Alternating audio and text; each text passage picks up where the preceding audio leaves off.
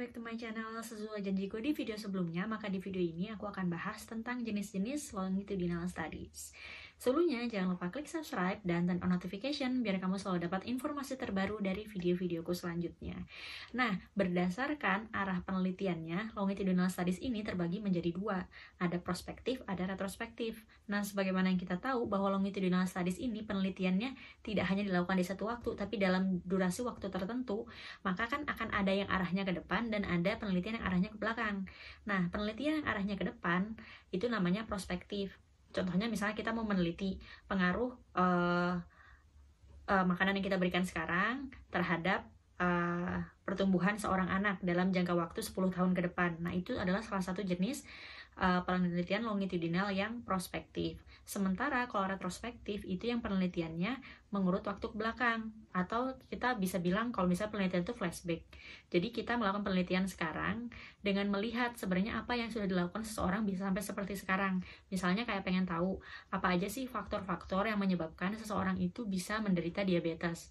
Nah, jadi ketika penelitian dilakukan sekarang, kita merunut ke belakang apa aja sih yang dilakukan oleh si pasien ini. Jadi misalnya kita udah menemukan nih pasien penderita diabetes, baru kita lihat misalnya dari gaya hidupnya apa yang dilakukan selama 10 tahun ke belakang atau 20 tahun ke belakang kayak gitu beda sama yang prospektif tadi kita melihatnya ke depan.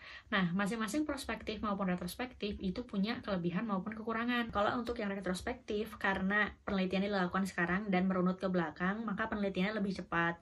Tapi sayangnya karena penelitiannya tidak dimulai dari dulu kan kita cuma flashback aja lihat ke belakang apa yang mereka lakukan. Nah biasanya mereka kan si sampel atau si subjeknya ini berusaha mengingat-ingat. Nah itu tuh kemungkinan akan ada data-data yang hilang atau data yang miss.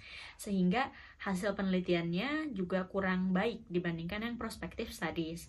Cuma kalau prospektif studies, penelitiannya misalnya dilakukan dari sekarang sampai 10 tahun ke depan, maka durasi waktunya akan jauh lebih banyak dan membutuhkan biaya yang lebih banyak juga. Dan tapi keunggulannya adalah datanya yang dihasilkan akan lebih bagus dibandingkan yang retrospektif studies. Nah, kalau teman-teman pengen tahu seperti apa sih bentuknya penelitian prospektif sama retrospektif, teman-teman bisa lihat di jurnal cari aja keywordnya, terutama di bagian metode, yaitu cari retrospektif longitudinal studies, atau kalau enggak, prospektif longitudinal studies. Nah, di bagian metode, teman-teman bisa lihat bagaimana dia pengambilan sampelnya, terus penelitian dilakukan selama berapa lama, terus perlakuan apa yang diberikan kepada si sampel tersebut, biar bisa tahu uh, seperti apa contohnya gitu. Oke, segitu aja penjelasan tentang prospektif dan retrospektif longitudinal studies. Kalau kamu punya pertanyaan lain, bisa banget tanya di kolom komentar di bawah ini, dan aku akan bahas jawabannya di video selanjutnya. Terima kasih.